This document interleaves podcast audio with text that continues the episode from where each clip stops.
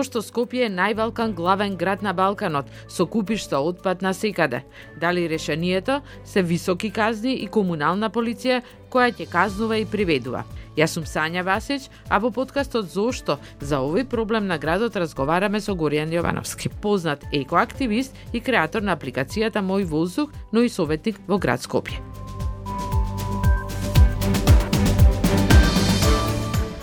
Горија Скопје никога ќе посетат некој друг град во друга држава, првата реакција им е колку е чисто.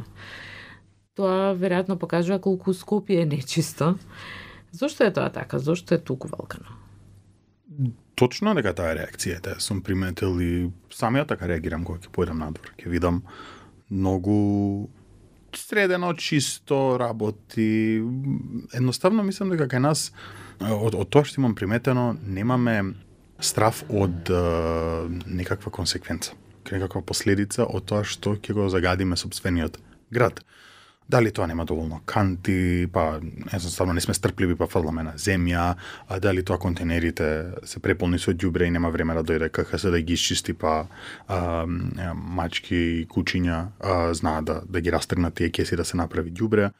А, едноставно се чини дека системот има целосно потврлено кога станува збор за чистотата на градот и дополнително нашата свест како граѓани очигледно на многу ниско ниво, бидејќи секојдневно можам да приметам луѓе како фрлаат ѓубре по земја. Дори се сеќавам на една ситуација а, кога живеев во Козле, еден ден се најутив, ми беше прљав цел тротоар и извадив метла и почев да метам тротоар, нели треба да си го одржуваме пред куќата тротоарите и некако ми тргне фатив по улицата нагоре терам, докај комши, автобуска станица, тука што имаше маркети, сема всегде да чистам. И тука луѓе стојат на автобуската станица, јас се собирам со метла и гледам две девојки пушат цигари и некако се гледаме едни со други. Сега чекам да видам што ќе направат со пикавецот. Доаѓам до нив, кога гасат на земја, некако ми го шутнаа на кај мене.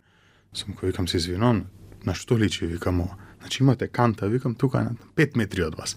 Јас не сум дојден тука, викам да ви го чистам вашето ѓубре, пуште да ми го шутирате пекавецот. Така да за жал некако и свеста кај нас општо е дека ако веќе загадено надвор и прљаво, па зашто да не фрламе што ќе смени нешто. И тоа е жалосно. Да, и амбасадори ни го чистат градот, да ни За... покажат колку е валкано. Баш. Дали може би решението е високи казни? Решението е високи казни да, до одреден степен. Значи, решението треба да биде првична едукација и доколку едукацијата не функционира, тогаш треба да следуваат и соодветни санкции и казни. Секако. Причината не дека Знаете што, ја мислам, искрено мислам дека не дека не знаеме дека не треба да фрлиме ѓубре. Искрено не дека не знаем. Зошто тоа не го правиме кога одиме во странство? Јас многу малку луѓе знам што од кај нас ќе искочат и ќе дојдат во странство на гости на посета и да ќе земат да фрлат ѓубре на улица. Не. Прво зашто им е непријатно дека веќе е чисто, но второ и побитно што знаат дека ќе има санкции, дека ќе добијат висока казна. И они ќе рече, "Воле, добро, ќе се го чувам во джеп, ќе го фрлам." Па зашто тоа не го правиме дома? Ако веќе знаеме дека не е во ред, така што казни според мене треба да играат улога и треба, ама спорам реално да се применуваат казни, за ние да имаме на вистина страф од од такво нешто кое што воопшто не треба да го правиме на самиот почеток. Инаку има казни. Нели околу да, Секако. на хартија има и на некакви комунални инспектори кои никој не ги вида, барем ја одамна. Не јас треба да ги спроведува. Значи, ако има казни, треба некој да го спроведува тоа, односно да казнува и да пишува казни. Секако. Тоа се нарекува комунална полиција или има други а, имиња во други градови. Има ли шанси тоа да го добие Скопје? Па сега како да мртна работата малку, знам дека не знам дали од времето на Коци или на Шилегов е почнат а, да почнато да се работи, тоа знам дека пред мојот мандат во град Скопје почнато да се работи на концептот, па заборавено, па во фиоки заборавено, па живнато повторно. И сега нешто скоро се збори дека а, се мрднува процесот, дека град Скопје малце го заживеал за да продолжи тоа а, како предлог закон да стане а, во делот нашето законодавство преку парламентот но се уште тоа станува да се види како и дали воопшто ќе се имплементира, дали воопшто ќе стане како закон, а камо ли понатаму да се имплементира, дали правилно ќе се имплементира, бидејќи тука е мислам круцијалниот момент кога станува збор за комунална полиција. Што значи тоа правилно? На анкетата што ја имавме на социјалните мрежи, дел од граѓаните се сомнева дека таа ќе послужи, на пример, само за партиски вработувања, што значи не би функционирало, само ќе се потроши буџетот практично за џабе Така. или да се е, вработат партиски војници. На тоа мислите? Па, на некој начин да. Um, еден од активистите, Кирил Пржо, имаше направена добра анализа на комуналната полиција како е спроведена во Србија, во Албанија, значи на Балканот како изгледа тој концепт во држави кои што веќе имаат таква полиција и еден од стравовите е токму тоа дека ќе биде партиско тело за партиско вработување, значи дополнително да се а, стават луѓе кои што поддржуваат одредена партија без да се вршат собствената должност, дека може да се пречекори нивната надлежност и да да почнат да буквално излегуваат надвор од рамките на тоа што смеат да го прават да, начини на заплашување, на, на, на воведување притисок врз одредени луѓе. Ова е базирано на примери од како ова се случило и сите овие проблеми се случиле во земји околу нас не дека ние сме нешто поразлични или да речеме сме многу понапредни, па нема тоа да се случи кај нас. И затоа разбирам и сомнежот од страна на граѓаните дека дали на вистина би профункционирало едно вакво тело или едноставно би западнале во оној циклус на грешки што често знаеме да западнеме овде кога станува збор за а, тело организиране од страна на државата или на локалната самоуправа. Ја гледате политиката од блиску како советник во град Скопје, политичките партии како функционираат. Сигурна сум дека се ви е многу појасно отколку нам. Да. А, дали може би партиите калкулираат да воведат некакви мерки и санкции за да не изгубат гласачи, например, или едноставно не се грижат пак за доброто на граѓаните или на градот? Искрено тоа што јас гледам вака од близко, се повеќе верувам дека имаме многу мал број на политичари или лица кои што се политички активни, кои што искрено се грижат за нашето Скопје, нашата Македонија, за луѓето што живеат тука и дека све повеќе мислам и дознавам дека мислам се како како што сите јавна тајна е дека стојат други интереси за луѓето кои што често се наоѓаат на одредени позиции кај нас. И жал ми е дека цело време имаме како во некој циклус сме влезени да имаме луѓе кои што едноставно не се грижат за нас. Стварно. Еве, две години сум веќе совет, во советот советник. И гледам и однатре каков хаос е, а, посебно со сите дополнителни раскарувања кои што се случуваат, како да не знаеме да најдеме некој консензус кога станува збор за општото добро на граѓаните и да тргнеме малку политиканството на страна, да речеме во ред, остави партиски интереси на страна, остави гласови на страна. Дајте да седнеме заедно, совет сме на град Скопје. Дајте да направиме нешто за град Скопје. Да не биде цело време моето врсис твоето. Туку некако да се договориме дека повеќето теми кои што се важни на граѓаните не треба да имаат партиски позадини, конотации, караници. Ама некако тешко оди тоа. Рече си невозможно, гледаме дека практично не се носи ни една а, одлука. Да се вратиме на ова што не е конкретна тема. Министерката за животна средина Шукова деновиве изјави околу на прашањето дали а, треба се воведат казни, не е прашање дали треба да се казнуваме, треба да ја подигнеме малку јавната свест дека фрлајки го отпадот, си правиме штета самите на себе бидејќи ние тука живееме. Што би одговориле на министерката? Аман со тоа веќе со јавна свест. Јавна свест, јавна свест. Како да не сме свесни? Јас не верувам дека пост... значи не сме а, да се потигне јавна свест значи дека ние не знаеме дека е тоа лошо. Јас не верувам дека сме ние смотана нација. Ние сме паметни луѓе во Македонија. Само некако сме инат на одредени моменти бидејќи сакаме да се го тераме своето. Значи не е дека треба да се подигне јавната свест, верувам дека кој било да застанеме на улица да го прашаме, лошо ли е да фрлиш ѓубре да е во парков тука да го загадиш, ќе рече лошо. Секако, значи не е дојдено никако за загадувањето на воздухот, така и за загадувањето на животната средина, не е дојдено до јавната свест. Политичари често пробуваат да избегнат момента да спомнуваат казни, бидејќи казните нели луѓе не сакаат казни и казните се лоши за гласовите и така натаму и така натаму, но едноставно треба да се има храброст и да се рече во ред, ќе може ќе направам потеку што нема да биде популарен, но ќе има на вистина позитивен импакт. Значи не може цело време ние да бегаме и да, да, да, да го повторуваме тоа јавна свест која што често го слушаме на други теми од други луѓе, до кога ќе се вадиме на концептот на јавна свест, што е јавна свест, како ќе се постигне, дали сме почнале да го мериме да да мериме колку има јавна свест, па еве да да да помине година дена па да речеме ја накачивме јавната свест и тоа допринесе до помалку Не, тоа е термин што се расфрла така и е лесно да се каже. Казни за жал мора да има барем на почеток. Да слушнеме што мислат граѓаните, ги прашавме еве неколку мина и за казните и за комуналната полиција. Па ако не можат со добро да се разберат, че мора и со казна. А треба и култура да имат. Ова е прљав град, што ова не било на времето. Пошто јас сум постара генерација, 75 години, ова не било. Да на Сабале обавезно шмркоите, чистење низ цело, цела, цело Скопје и Македонија, можем да кажам општо, беше многу почисто, али сега е хаос. Од джеб да судри. Мислам, тие несовесни кои се кои фрлаат кои оно да- Јас мислам дека повеќе свест треба да има меѓу народот. А казнување ништо не, не, не добиваш со тоа. Мислам повеќе свест. Нека бидат некои ситни казни, колку да, зашто сега во ова време денешно малку е тешко, мислам, голема казна, мислам, не, не би била необходна.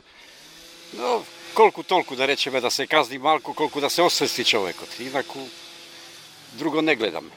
Спомнавте на почетокот дека сите други градови кои се чисти, дури и овие околу нас, еве да останеме на Балканот, или Белград, Подгорица, Тирана, Так.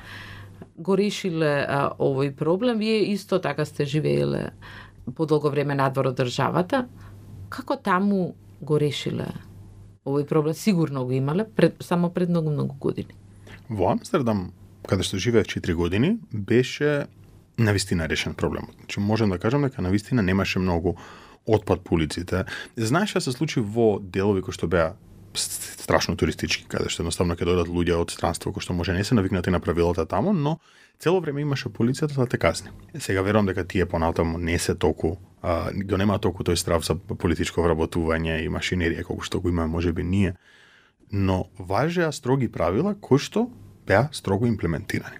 Јас се сеќавам, имав, мислам, сам научив на собствена кожа, така, да еден ден нарачав од Амазон гитара. И ми стигна кутија од гитарата голема, во ред, извадив гитарата, кутијата се симнувам доле, имавме подземни контейнери а, поставени пред зградата, и гледам дека нема да собере кутијата внатре во подземниот контейнер, во ред и се оставив одма до контейнерот, викам ќе помине камионот, ќе ја земем. Поминаа неколку дена, јас во пошта добив честитка, се отварам честитката, 100 евра казна. Зошто? Зашто сум одлагал, одлагал отпад во време надвор од обележаното на самите контейнери, кога што сум смеел да оставам кабаст отпад. Иако на холандски беше, моја кривица е што не сум разбрал. Веднаш, не само што ме пронајдоа, иако моето може име и презиме беше на кутијата каде што беше доставена, а, туку веднаш реагира да а, се примени таа казна, да јас си ја платам истата и да научам дека повторно не треба тоа така да се прави. Тоа малку ме, ме, ме досвести да почнам убаво да ги прочитам сите инструкции на самите контейнери што пишуваат, што се знае во кој час смееш да го направиш тоа.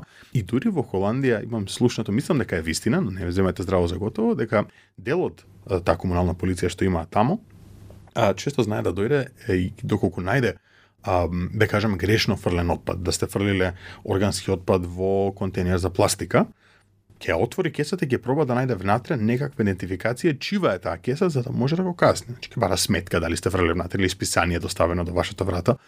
Беше многу интересно како до тој степен одат да го отворат едноставно отпадот и да разгледаат за да најдат кој го сторил делото и да го каснат.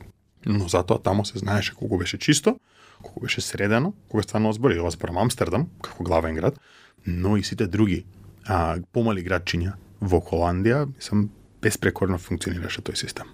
Споменавте и рециклирање, ние сме многу далеку од е, За тоа. жал, работиме, се трудиме на таа тема да да рециклираме, еве имаме контейнери за рециклажа, понекоја машина за рециклажа и знаете, а, мислам дека системот за рециклажа само треба да се подобри, бидејќи има желба. Днеска мене во зграда имавме поставено од Ready Recycling тие а, контейнери што се за пластика и за а, за хартија, ако не грешам беа. И јас се зачудив колку многу пластика и хартија се собираше таму од станарите, кој што јас едноставно мислев дека не би се замарале да, да го сортираат својот отпад, но го правеа тоа. Го правеа доброволно, не добиваат тие ништо за возраст, не се добиваше пари или поени или но го правеа тие луѓе. Што ми дава надеж дека луѓето се спремни доколку постои соодветен систем за рециклажа, они да го применат истото, дури и да, мислам, гледам колеги мои кои што се на работа да, да носат пластични шишиња од, од друга, другиот крај на градот, бидејќи таму немаат каде да ги остават, да ги носат со себе, па тука да ги остават каде што има соодветни контейнери или машини за истото. Така што постои можност и верувам дека а, со продирот на интернетот, на медиумите, електронски, каде што се повеќе стига ова информација данас колку е круцијална, ние би го правеле ова повеќе. Ама треба повторно за жал некогаш треба и, и казни за тоа да се за тоа да биде соодветно. Веројатно дека на кога тоа би се постигнало, полесно би било да се отворат и депони низ државата. Имаме само една единствена дрисла и дури и таа не е по сите стандарди. И имаме отпор во некои делови од државата за отворање на Нови депони? депони. Секако. А од друга страна, еве зборуваме за другите држави, таму се отвораат депони, веројатно. Не Имало до- незадоволство, но Јас не би рекол значи дека треба да отвараме депонии. Депонии значи да креираме повеќе отпад. А ние треба да се стремиме кон концептот на нула отпад, што е можно помалку отпад да правиме. Пример во Скопје, 60 до 70 посто од отпадот кој што завршува во депоните, тоа во Дрисла, е органски отпад. Замислевте да компостираме тој отпад, бидејќи тоа е во Пробиштип имаат две компостари, Скопје нема, Пробиштип имаат, што свака им част на Пробиштипчани. Те компостиравме нашиот органски отпад, да имаше компостари кои што еве ние како Зелен хуман град одамна збориме за овие, имаме обезбедени пари во буџетот, ама никако да стигнат тие компостари, не знам од кај доаѓаат, да се постави барем по една во секоја општина. Ние ќе намалиме 60 до 70% од отпадот во Дрисл. Тоа е огромна бројка. Па уште кога почнеме повеќе да сортираме и да селектираме отпад, 90% од отпадот ние кога го отстраниме од Дрисла, не знам што веќе ќе остане минимално нешто таму. На тој концепт треба да се стремиме, да ние си го менаџираме соодветно отпадот наместо да отвараме нови дополнителни депонии. Мислам, јас разбирам зашто луѓе не би сакале да се отвори депонија. Прво е, е катастрофално, второ е ја загадува животната средина бидејќи никогаш не градиме ништо по соодветните стандарди по кои што треба. Така што овој метод на нула отпад е многу по а, не- не само подобар за животната средина, туку и не е тежок за имплементирање. Кога можеле градовите околу нас да почнат многу посериозно да работат на рециклажа, кога можел Пробиштип да има две компостари за биоотпад, мислам дека може и Скопје да почне на таа тема малку посериозно да работи како главен град и каде што пол од Македонија живее. благодарам за разговорот. Благодарам и на вас. А вие слушајте не, следете не. Ставете слушалки и побарите го подкастот Зошто на Слободна Европа и Spotify, YouTube, Apple и Google Podcast. Едноставно, кликнете на Зошто и давајте ни идеи и теми кои сакате да ги слушате, а ние ќе ве прашуваме преку нашите социјални мрежи.